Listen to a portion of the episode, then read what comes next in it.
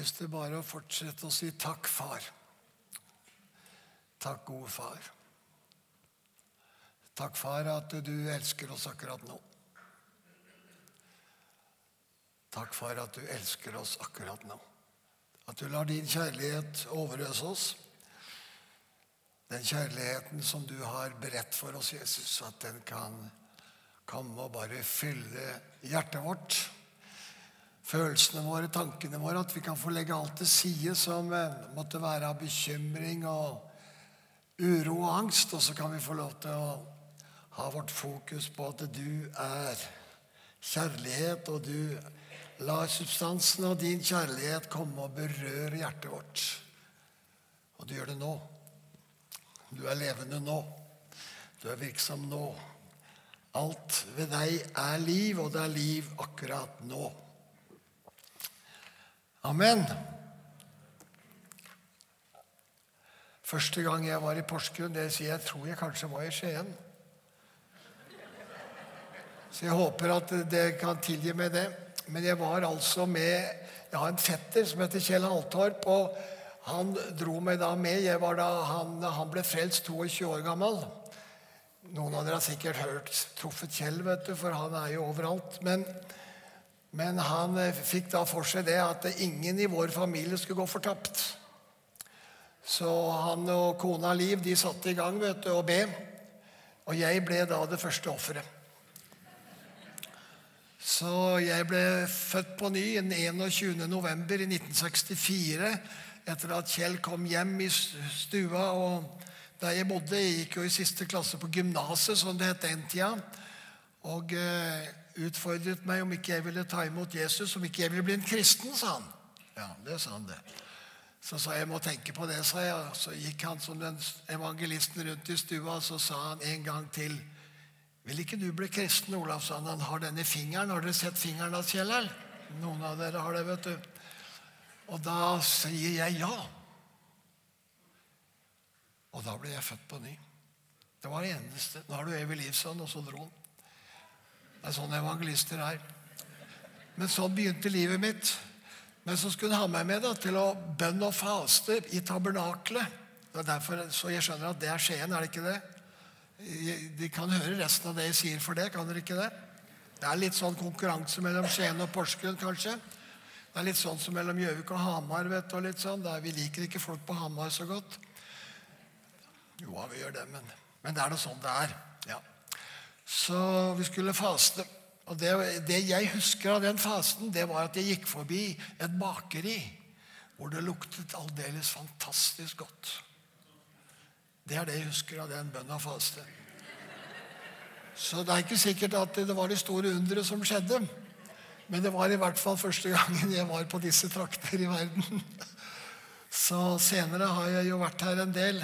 Og eh, om ikke akkurat her, så så hadde vi, vi hadde jo en fantastisk weekend oppe i Fyresdal for et og et halvt år siden. Hvor mange var det som var der? Må ha vært noen av dere. Oi, se her, vet du. Ja, ja, men da har vi, da har vi vært oppe i Quislingland, skulle jeg til å si.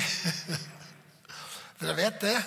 Jeg fant ut det. Erik og jeg vi gikk lang tur da, oppe i Fyresdal. Så kom vi på kirkegården, og der het jo alle som var gravlagt, enten het de Olav eller så het de Quisling. Så da skjønte vi jo hvor vi var havnet. Men det var veldig vanlig å hete Olav, tydeligvis, så der hadde nok e-post gått inn. Jeg har lyst til å lese en et tekst for dere til å begynne med i dag. En tekst som dere har hørt mange ganger, og som jeg kanskje kan komme til å legge ut litt annerledes enn det dere har vært vant med. I Johannes kapittel 14 så vet vi at eh, når vi begynner der, da er alle med, og alle syns det er fint. Hvor, hvor da Jesus sier, 'La ikke hjertet bli grepet av angst'. Tro på Gud og tro på meg.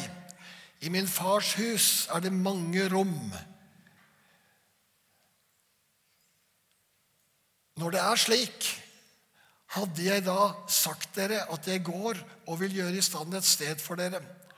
Og når jeg har gått og gjort et stand et sted for dere, vil jeg komme tilbake og ta dere til meg, så dere skal være der jeg er. Her snakker Jesus om en bolig. At han vil skape rom. Han vil etter, på gresk så betyr faktisk dette rom mange, står det på gresk. Rom, mange rom. Det er ikke en sånn mansion, altså. Rom, mange rom. Og Så er det interessant at Jesus kommer tilbake til akkurat det ordet i vers 23, og så sier han den som elsker meg, vil holde fast på mitt ord, og min far skal elske med ham, og vi skal komme og bo hos ham. Nøyaktig det samme ordet. Det ordet er brukt én-to ganger i hele Nytestamentet, og det er der det er her Johannes 14. Det er altså en bolig som Jesus snakker om. Han vil komme, og vi skal få bo. Og der skal far komme, og der skal han komme, og der skal de ta bolig hos oss. Og da tenker jeg dette er nok ikke himmelen. Dette er her. Dette er her. Så når Jesus sier i min fars hus er det mange rom, så har det vært vanlig å tenke at, eh, at Jesus liksom forbereder et sted for oss i himmelen, på den andre sida. Men det tror jeg ikke han snakker om. Han snakker om noe her. Også Det er litt viktig i Bibelen. at Det er ikke så veldig mye snakk om der borte, men det er snakk om det livet vi skal få lov å leve her. Og her er det at Jesus gir oss en fantastisk nøkkel om hvordan vi skal få lov til å ha det her på jorda. Jeg, var innom det så vidt det er her når, vi, når, jeg talte kanskje i går kveld, eller noe sånt noe, hvor jeg var litt frustrert den gangen jeg skulle gå på indremisjonsmøter på Gjøvik som nyfrelst. Så syns jeg bare de snakket om hvor fælt det var her på jorda, og hvor fantastisk det ble i himmelen. Så tenkte jeg ja, men jeg er jo ikke mer enn 18-19 år. Jeg har da et liv òg. Skal jeg bare liksom lengte etter himmelen i 70 år eller 60 år eller 50 år? Og så, så, så heldigvis så har jeg oppdaget at evangeliet er ikke sånn, da. Det er et liv etter frelsen. Det er et liv etter at vi blir født på ny. Det er et liv her. Og jeg må innrømme at jeg har fått nåde. Nå er jo jeg blitt snart 78 år. Med en uke så er jeg akkurat, nei, med en måned så er jeg 78 år. Og i, disse 78 årene da, så har jeg jo tross alt vært frelst. da, I hvert fall i 58-62 av dem, kanskje. Eller mye det er. Må jo være noe sånt noe. Og jeg har drevet og prekt Guds ord også i så lenge. Omtrent helt fra jeg begynte, så har jeg talt Guds ord. da. Jeg fikk jo det kallet, og da måtte man jo prøve å begynne. Og, og så har det blitt ganske stotrende og litt av hvert. Og så etter hvert så får man en innsikt i Guds ord. Men i hvert fall så har jeg funnet ut at jeg har fått lov å leve et fantastisk liv her på jorda. Ja. Og jeg er faktisk enda ikke klar til å dra til himmelen, jeg, altså enda ikke klar til å dø. Jeg spurte Gud i fjor sommer om det var slutt på at jeg skulle preke. og så Da sa han at nei, det er ikke det. sa Han det er, eh, det si, han ga meg tilbake det samme ordet som han kalte meg med for da jeg var 20 år. Så da fortsetter jeg, da. Så vi har akkurat kommet tilbake fra Afrika nå. Vi har hatt en sånn Farshjerte B-skole blant eh, Vi hadde 20 døve pastorer og 20 hørende pastorer. Og så hadde vi en uke sammen med dem og underviste, og det var helt fantastisk. Når folk oppdager hvem far er, så er det noe som skjer i hjertet, og det forvandler folk. Men det, tilbake til teksten. Hva er det Jesus egentlig sier? Han sier at det er altså en bolig. Der, og denne boligen den er altså tydeligvis oss. For det er det han kommer tilbake til i vers 23 og sier at der skal far skal elske ham, og vi, far og jeg, far og jeg, sier Jesus, vi skal komme og bo hos ham. Så når da Jesus sier at han går bort og for å berede sted, så snakker ikke han om at han skal til himmelen og berede et sted for oss der, men han snakker om at nå skal jeg, som er veien, for det er det han sier. ikke sant? Og jeg er veien. Jeg er jo, Jesus er jo veien. Nå skal jeg lage en vei for dere, slik at dere kan få være der jeg er. Ikke sant? For etterpå så spør jo Thomas Vi vet ikke hvor du går, sier Thomas. For Jesus sier jo Og dit vet dere veien, sier Jesus. I vers 4, 14, 4. Og dit vet dere veien. Thomas sier jeg vet ikke veien. jeg, sier han. Han har ikke helt fått tak i hva Jesus har sagt like før. da. Og det er sånn det er med oss. Og så sier Jesus etterpå, men jeg er veien, sier han. 'Jeg er veien'. Jeg er veien, sannheten og livet. Jeg er veien, sier Jesus. Så, så, når du får tak i Jesus, da er du på veien. For da er veien i deg. Da har veien tatt bolig i deg. Og når, og når veien har tatt bolig, da vet du at veien fører til et sted.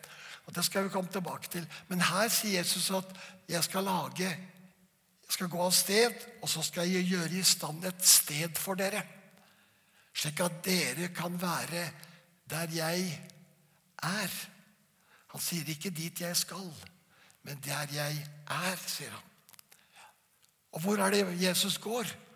Jo, vi vet det. Han går til korset. Det er det som er slik han lager vei for oss. Og Vi har sunget om det, vi har lovprist Gud for det. At vi får lov til å se på den fantastiske veien som Guds sønn, Jesus Kristus, lager av vei for oss. At han tar hele prisen. Han tar oppgjøret med synden og djevelen og døden og hele greia da han gir sitt liv på korset. Gjennom lidelse, død, så forsoner han oss. Og, og gjennom oppstandelsen så har han lagd en vei for oss. Sånn at vi kan være der han er. Og da er det spørsmål hvor er Jesus når han sier dette? Hvor, det, hvor definerer Jesus seg? Hvor, hvor er han hen når han sier dette her? Tenk på det.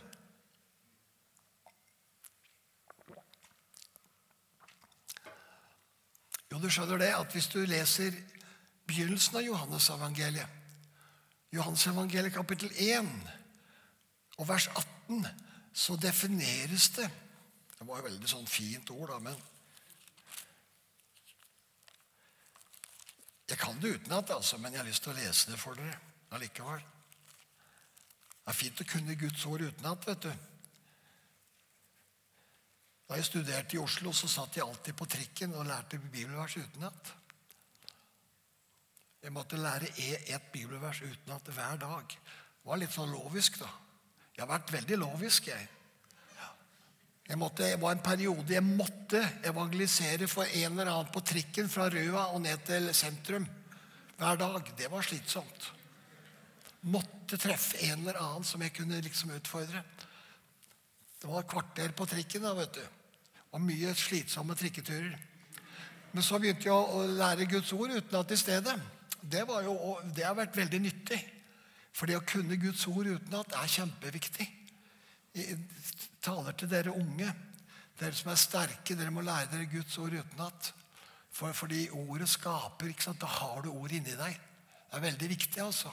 Det er viktig for sinnet ditt at, ord, at sinnet ditt blir forvandlet ved, ved ordet. Så lær det utenat. Lær det utenat. Jeg kan mest 1930-oversettelsen, da, hvor de sa i og eder og sånn. Så gammel er jeg, da. Men, men, eh, men det er en veldig bra oversettelse. Derek Prince sa at 1930-oversettelsen av norske oversettelser er en av de beste oversettelsene som er lagd i verden. Sånn. Han kunne nemlig norsk. Derek Prince visste dere det?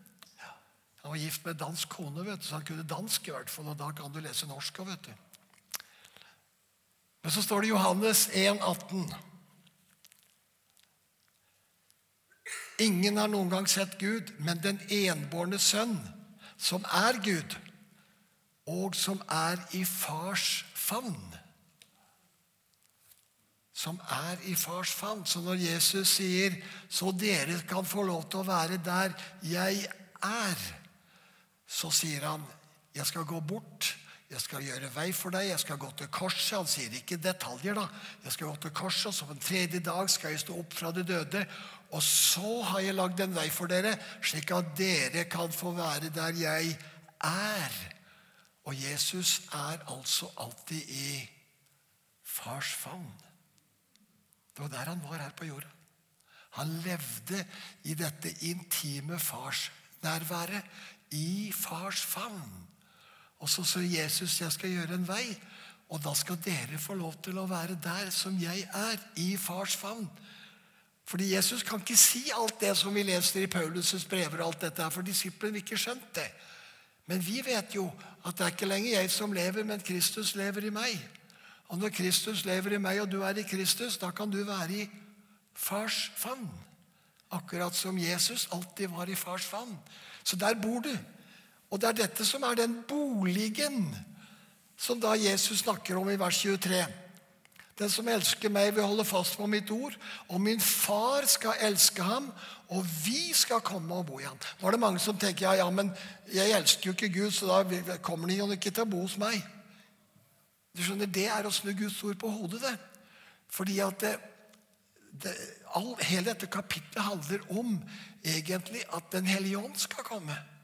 Og når Den hellige ånd kommer, så er det en oppfyllelse av profetier i Esekiel, kapittel 36, 26. Hvor vi skal få et nytt hjerte. Steinhjertet skal ut, og inn med et nytt hjerte. inn. Det er det du får når du blir født på ny. Eh, og Det er ikke svikefullt, skjønner du, det nye hjertet. Det er Mange som leser Jeremia 17, og så sier hjertet er svikefullt. sier de, Men da har de glemt å lese profetien som står 7-8 10 kapitler senere, 31, 33. Nå leser jeg, snakker jeg fort, da. Jeremia 31, 33, så står det at loven skal bli skrevet i hjertet. I Esekiel 36, 26 så står det at vi skal få nytt hjerte. Og dette nye hjertet skal, vi, det skal bli fylt med en ånd som får oss til å gjøre det Gud vil, altså oppfylle loven. Elske Gud og elske vår neste som oss selv. Og Jesus visste at far hadde lovt at en dag så skulle ånden bli utgitt. Og da skulle de få tak i, da skulle de få denne ånden som Esekiel hadde profetert, og Jeremia hadde profetert. Og som det andre profetier taler om. Og når denne ånden kommer Her sitter jeg jo i en pinsekirke, gjør ikke det? Så, så dere vet jo hva, vet jo hva åndsdåp er, og hva blir fylt med Den hellige ånd er. Og når denne ånden kommer, så fyller den deg med kjærlighet. Det er jo fars kjærlighet. Det er Jesus kjærlighet som øses inn i hjertet ditt. Og da kan du ikke annet enn elske. For denne ånden elsker nemlig alt og alle. Og Grunnen til at vi ikke elsker nok, det er fordi at det er litt for mye av hjertet vårt som ikke har fått blitt fylt med denne ånden da. Men det kommer. Det kommer, vet du. Og Det er derfor jeg står her, for at, det, for at du skal få tro på at eh, hjertet ditt skal utvides. Det er områder i hjertet ditt som skal bli fylt med denne ånden, fars ånd, Jesu ånd, som fyller deg slik at eh, du lærer deg til å elske. Og det er det Jesus profeterer her. Han sier at du kommer til å elske. Du kommer til å elske meg, sier han. Du kommer til å elske far. Du kommer til å elske Jesus. Du kommer til å elske, For det virker nemlig ånden. Ikke du, ikke kjøttet ditt. Men ånden i deg er i stand til å elske. Så dette er en profetisk ord. Og når det skjer, ja, hva er det som skjer da? Ja, da erfarer vi akkurat dette. At far og sønn tar bolig inni deg. Dette skjer ved troen, gjør det ikke det? Dette skjer ved troen. Det er derfor jeg begynner nesten alltid en preken med å si, 'Far, takk at du elsker oss akkurat nå.' For det tror jeg. Det tror jeg. Og jeg sier alltid 'Takk at du er her, Hellige Ånd'. Som jeg sa i går kveld, tror jeg. Jeg begynner aldri et møte med å si om å be om at Den hellige ånd skal komme. Nei, For da kan folk tenke lure på om den kommer. Men siden du er her, så må jo Den hellige ånd være her. Så Derfor så sier jeg takk, Hellige Ånd, at du er her. Takk at du fyller dette rommet med din kjærlighet og med din godhet. For da preker du tro. Ikke sant? Du kan få lov å preke tro til folk, ikke vantro. Det er sånne små ting i livet som lærer deg til å si takk, Gud. Takk, Far. Takk, Jesus. Takk at du er en levende Gud. Takk at du har tatt bolig i meg. Ja. Alle dem som tok imot ham, ga han rett til å bli Guds barn. Det var liksom hovedordet når du evangeliserte og skulle forkynne ordet. vet du. Ta imot, så får du rett til å bli Guds barn. Rett til å bli Egentlig så står det på gresk rett til å bli Guds sønn. Men så er det det at vi skal ha med kvinner nå. Da, så tenker de at det, da blir det jo bare menn. Men sønn her er jo ikke et kjønnsord. Det er et identitetsord. Fordi Jesus var sønn, så vil du også være sønn. Kvinner er også sønner. Ikke sant? I Kristus er du sønn, for du er sønn i Kristus, som er sønn.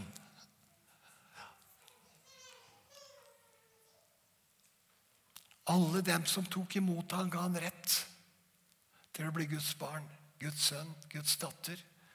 Når du da er det, ja, da har du rett til å bli elsket. Jeg, jeg tenker at vi, vi, har jo fem sønner, Unni og jeg. Og jeg tenker at de har en rett til å bli elsket av meg fordi jeg satt dem til verden. Ja.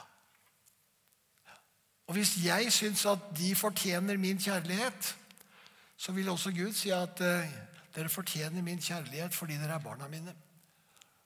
Jeg så deg, sier Gud, før verdens grunnvoll ble lagt. Jesus må ha vist Paulus dette før verdens grunnvoll ble lagt, før universet eksisterte.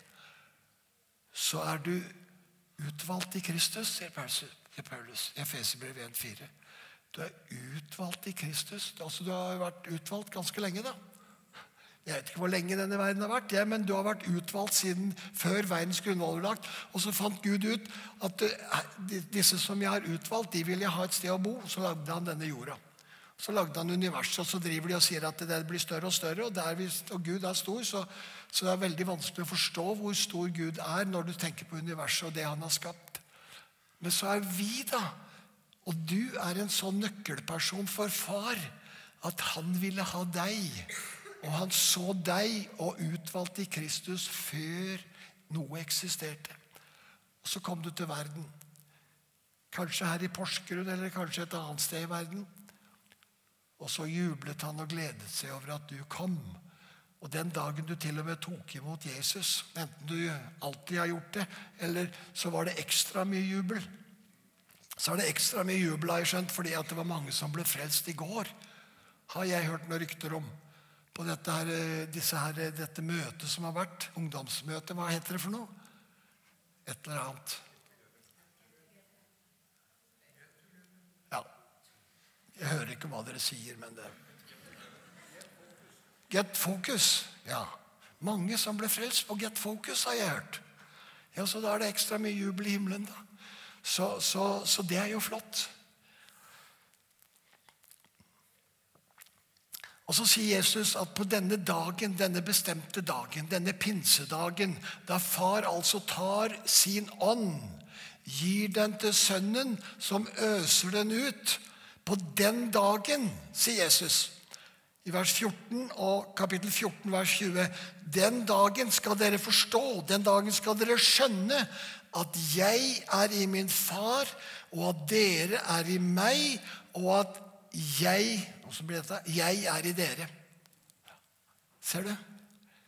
Det er fantastisk. Men uten ånden, vet du, uten at du er født på ny, og ånden, så ser du ikke dette her. Verden ser jo ikke dette her.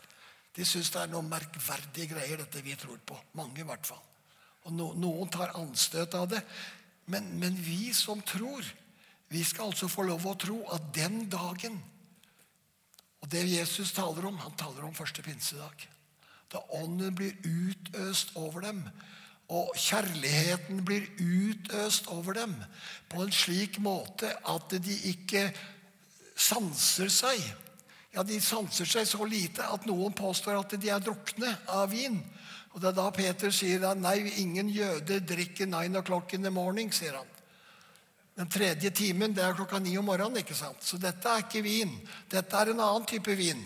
Dette er Den hellige ånd, som er så virksom at folk ikke helt greier å oppføre seg normalt.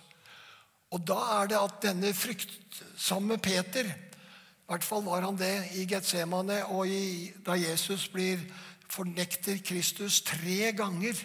Da er den nye Peter, han som er full av Den hellige ånd Og når du blir full av Den hellige ånd, vet du hva du blir full av da? Da blir du full av kjærlighet. skjønner du. Og når da kjærligheten kommer, så driver den frykten ut.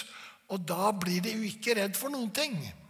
Og da taler Peter så det gnistrer, ikke sant? og 3000 mennesker blir frelst. Dette er den dagen da dere skal skjønne at 'jeg er i min far', sier Jesus. 'Jeg er i min far'. Min far og jeg, vi er ett. Vi er to forskjellige. Det er far og sønn, men vi er ett. At jeg er min far, og at dere Hør der. Dere, vi, er i Kristus. Han sier det jo dette. Paulus sier det jo så mange ganger. Kristus i oss. ikke sant? Kristus bor i deg. Og Her sier Jesus at vi skal skjønne at dere er i meg, og at jeg er i dere. Altså Det er ikke bare at vi er ikledd Kristus, men vi har også fått Kristus inni oss. Og fordi vi har Kristus inni oss, og vi har ikledd Kristus, og så fortsetter han da i vers 23 og sier at vi, far og jeg, vi skal ta bolig i deg. Vet du hva ydmykhet er? En av tingene som kjennetegner ydmykhet, er at du er enig med det Gud sier. Det er sant, det. For vi er veldig flinke til å liksom Ja, kan, kan det ikke være riktig, dette her? Dette er for mye til å være sant. liksom. Det er for godt til å være sant. Men så er det sant, altså. Og så skal vi få lov å ta det imot i vårt hjerte og vite at dette er det Gud, vår far, dette er det den treenige Gud har gjort for oss. Han har gjort alt for oss. For at vi skal erfare Han slik som Han er. Og Derfor er det at, at Jesus fortsetter. ikke sant? Det siste han sier før han går til korset i Johannesevangeliet, er følgende i 1726. Så sier han Jeg, sier Jesus, har gjort ditt navn kjent. Altså fars navn kjent. Det vil si, Gjør du navnet kjent i hebraisk tankegang, ja, da gjør du personen kjent. Og så sier han jeg har gjort dem kjent for dem, og skal fortsette å gjøre det. Så hva er det Jesus driver med nå? Han fortsetter å gjøre far kjent. Han har drevet med det han helt siden han sto opp fra de døde. Så har han holdt på med å gjøre far kjent, for det er det som Jesus kom for. Sone all verdens synd, ta et oppgjør med djevelen, rydde unna alt det svineri som skjedde pga. syndefallet. Og så sier han, 'Jeg skal gjøre far kjent. Dere skal få komme hjem til far igjen.' Husk på det at det var nettopp det Adam og Eva var. Ish og Isha, som jeg liker å si, da, fordi det het det samme. ikke sant? I 1930-oversettelsen står det 'mann og manninne'. Hvis du tåler det. Ish og Isha, hva, hvem var de, de levde sammen med? Jo, de levde i fars favn. I fars nærhet. De levde et fullkomment liv i hagen. Paradis, vet du, det betyr jo hage. Visste dere det? Så når Jesus sier 'du skal være med meg tilbake til paradis', Jesus, så sier han jo ikke det. Det er bare et gresk ord. Paradis, som betyr hage. I dag skal du være med meg tilbake til Edens hage, sier Jesus. Til røveren på korset. Bare les den hebraiske Nytestamentet, så ser du det. De skriver det. De skriver ikke paradis, de skriver Edens hage. Så du skjønner, alt dette som gikk tapt Vi mistet far. Så sier Jesus nå skal du få igjen far. Og han skal komme til å bo i deg. Kjenner du det? At det er så fantastisk at far vil ikke bare være far i himmelen. Jeg sa det her på, på, på, på fredagskvelden, hvis dere var her, så sa jeg at det, du vet, jeg vet jo at det, den teksten jeg egentlig skulle talt over i dag, det er 'Vår Far'. Vår Far. Men så elsker jeg Lukas, da, vet du, evangeliet, hvor det står Når dere ber, sier Jesus, så skal dere si 'Far'. Far. Fordi at det, dette med himmelen Da har vi en tendens til å skyve far litt unna. Jesus er nær, men far er i himmelen. Men du vet, himmelen, den er her. Ja. Mellom oss her og den åndelige verden der far er, og Jesus er, og ånden er, der er det tynn hinne. Tynn hinne. A thin veil, sier vi på engelsk. Og Plutselig kan du risikere at du går gjennom den hinna. Og får møte Gud. ikke sant? Det er det som skjer noen ganger, nesten. Som jeg delte her en dag jeg, i fjor sommer, så opplevde jeg at Gud tok meg liksom litt igjennom denne hinna. Og så viste han meg far og sønn i en grenseløs kjærlighet. Det var som om jeg ble tatt inn i, en, i å se hvor mye sønnen elsker far, og hvor mye far elsker sønnen. Denne kjærlighetsdansen som far og sønn er i sammen med Den hellige ånd. For du vet, De første kristne de definerte når de sa, snakket om treenigheten, vet du hva de kalte treenigheten? De kalte den for dansen. Dansen. Fordi du så den ene, så så du den andre, så så du den tredje. Men så var de ett. Og så dras vi inn i denne enorme kjærligheten som er som far har til sin sønn, og sønnen har til sin far, og Den hellige ånd, som er kjærlighet i dette. Og så dras du inn i dette, denne fantastiske samfunnet. Dette samfunnet som, Paulus, som Johannes beskriver i sitt første brev. Og vårt samfunn, sier han. Og du, du definerte det her, Erik. Vårt koinonia. Vårt intime samfunn. Altså 1. Johannes 1,3. Vårt intime samfunn er med far og med hans sønn. Den første menighet, hva var det de hadde? Jo, de hadde intimt samfunn, sier Johannes, med far og med sønnen. Og så var de i denne dansen. I denne, dette intime samfunnet. Og det er dette vi lokkes inn i.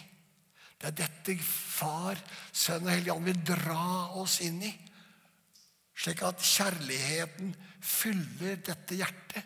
Altså at løftet fra Esekiel om at vi skal få en ny ånd inni oss, eller løftet fra Jeremia 31 om at, den, at loven skal skrives i vårt hjerte, og løftet som far sier i slutten av Lukas evangeliet 24,49, hvor han sier bli i byen inntil løftet far har gitt.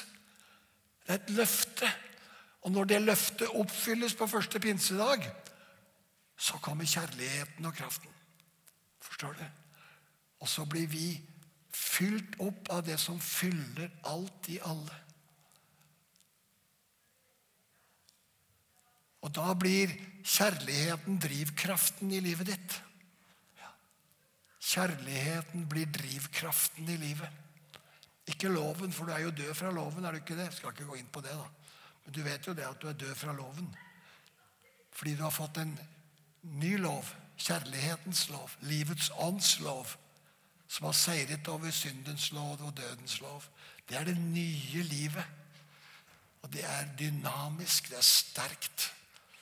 Og Det er derfor vi forkynner for dere at vi må komme hjem til far. Få tak i og kjenne far. Far som ikke er farlig, og far som ikke må skrives med fader, sånn som det står så mye i Bibelen. For det skaper avstand, gjør det ikke det? Altså Mange av dere sier jo 'pappa' sikkert, og det er fint. Men jeg sa jo 'far' til min far. Og hvis jeg hadde sagt plutselig en dag 'Hva skal vi gjøre nå, fader?' Så hadde han sagt 'Hva gærent er det jeg har gjort?' Som plutselig får et sånt rart navn på meg. Men i Skriften vet du, så, det, Til og med denne nye oversettelsen her blander de noe fælt. Så står det 'Fader', og så står det 'Far'. Vet du hvorfor de gjør det? Fordi de ikke kjenner far. Hvis de kjenner far, så vil de aldri i verden komme til å kalle han for fader. Helt sikkert. Jeg kan ikke finne på å kalle Gud min far for fader, for da liksom skyver jeg han uti der. Nei, han er min far. Og jeg liker at han er far, da, for jeg sa far til min far, og far var en veldig grei kar. Min jordiske far, altså. Fin fyr. Fin kar. Jeg var glad i min far. Veldig glad i min far. Var litt passiv, men, men en fin far. Så jeg elsket faktisk min far. Og så elsker jeg Gud, min far. Og han er far. Og hvis du liker å kalle han pappa, ja, så har Jesus gjort det òg. Da han var i Getsemane, så sa han ikke sant, 'Pappa, far, er det mulig?' 'Abba, far, er det mulig?' Så ta denne kalken ifra meg. Abba, far, sa han. 'Pappa, pappa'. Så Gud er en god Gud. Og han er ikke vanskelig å ha med å gjøre. Han har fått et forferdelig rykte gjennom mange ting som er blitt forkynt og sagt. Og mange ganger også fordi man har lest Det, det gamle testamentet uten å se, lese Det nye testamentet. For hvem er det som beskriver Gud, vår far? Og hvordan han er? Jo, det er Jesus Kristus. Det er han som forteller oss nøyaktig hvordan far er. Alt det andre er også beskrivelser av Gud, men det er unøyaktig. Før Jesus kommer, så får du det fullkomne bildet av far. Den som har sett meg, sier Jesus, har sett far. Noen tolker det som at da trenger vi ikke far fordi Jesus er far. Nei, Jesus er ikke far. Han er sønnen som vil ta oss til far. Slik, men vi må forstå at alt Jesus gjør når Jesus, Tenk, tenk f.eks. Når, denne, når denne kvinnen blir grepet i hor. Da åpenbarer Jesus farshjerte. Ikke sant? Han gjør jo bare det han ser far gjøre, står det i Skriften. Så det er åpenbart en farshjerte. Heller ikke jeg fordømmer deg. Gå bort og synd ikke mer. Det er farshjerte i Jesu munn. Og når han sier det Jeg ser for meg den kraften i de ordene. Heller ikke jeg fordømmer deg. Det gikk inn i denne kvinnen, og hun ble et nytt menneske. Hun kom aldri til å drive med det hun drev med før. hun. Fordi hun fikk én setning av Jesus. Talt på en måte ut av fars munn. Og Den hellige ånd virket så hun ble Ja, da så. Da kan jeg jo begynne å leve ordentlig, da. Slutte med dette jeg har drevet med. Slik er Guds ord, for det er liv og kraft, står det. Det er ånd og liv, står det vel egentlig. Og når ordet fra Guds munn går ut, så skaper det ånd og liv.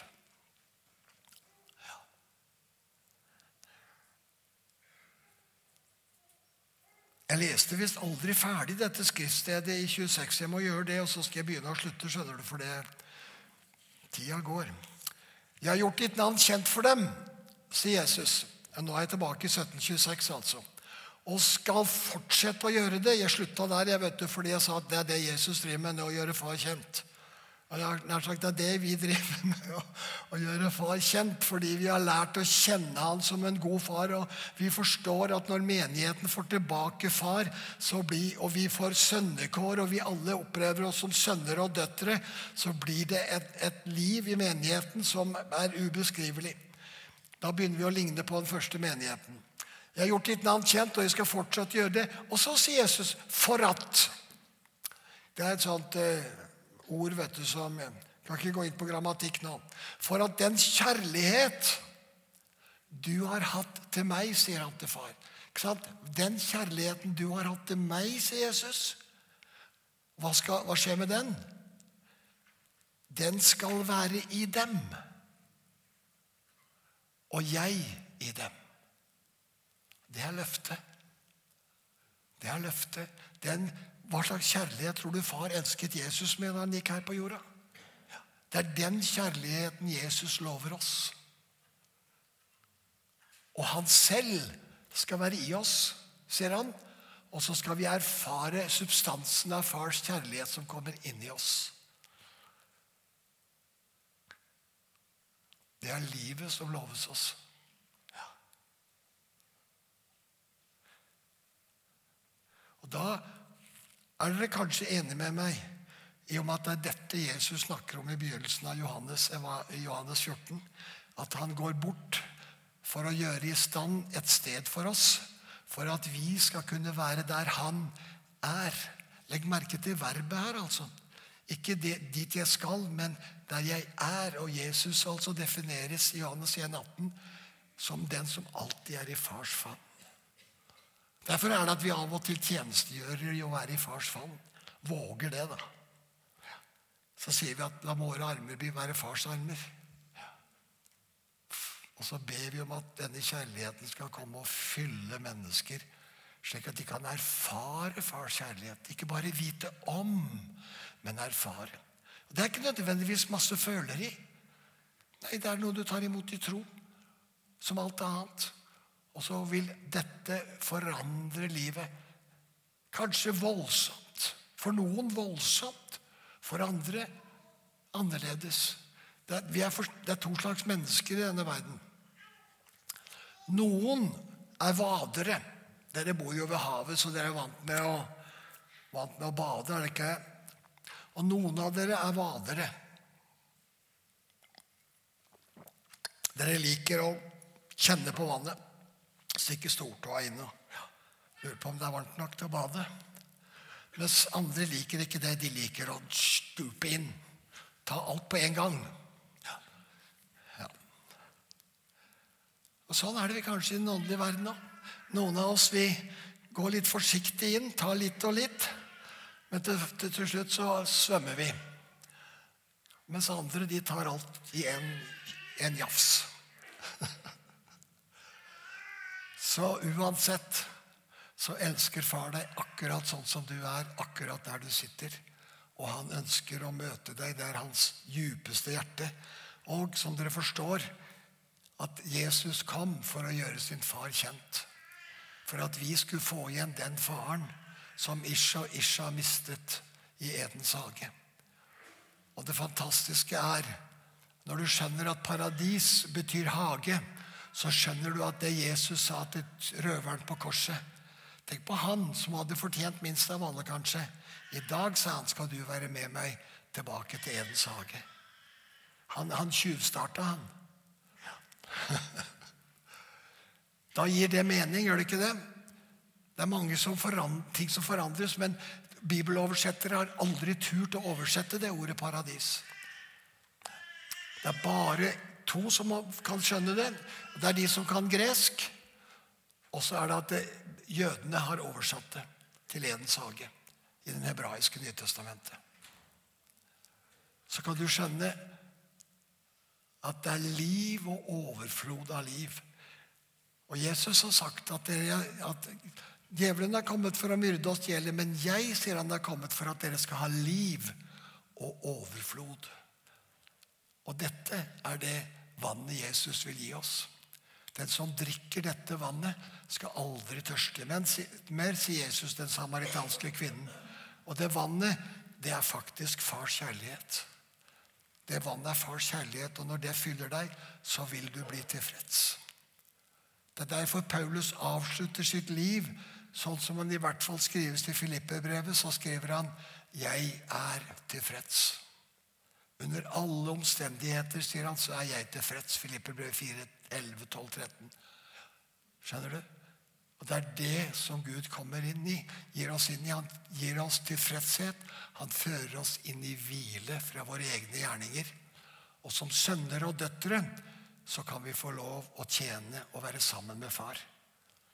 Så da har jeg sagt det også, at vi er sønner og døtre som får tjene. Vi er ikke tjenere som tjener, men vi er sønner og døtre som får lov å tjene. Jesus sa, 'Dere gå til mine brødre'. Det verset hadde jeg, så jeg må ta det da til slutt.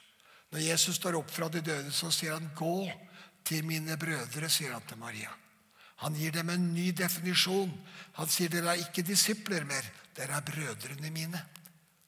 Og så sier han 'fordi min far er nå deres far, min Gud er deres Gud'. Han definerer om hele greia i ett vers. Det er Johannes 20, 17 kapittel 20, 17.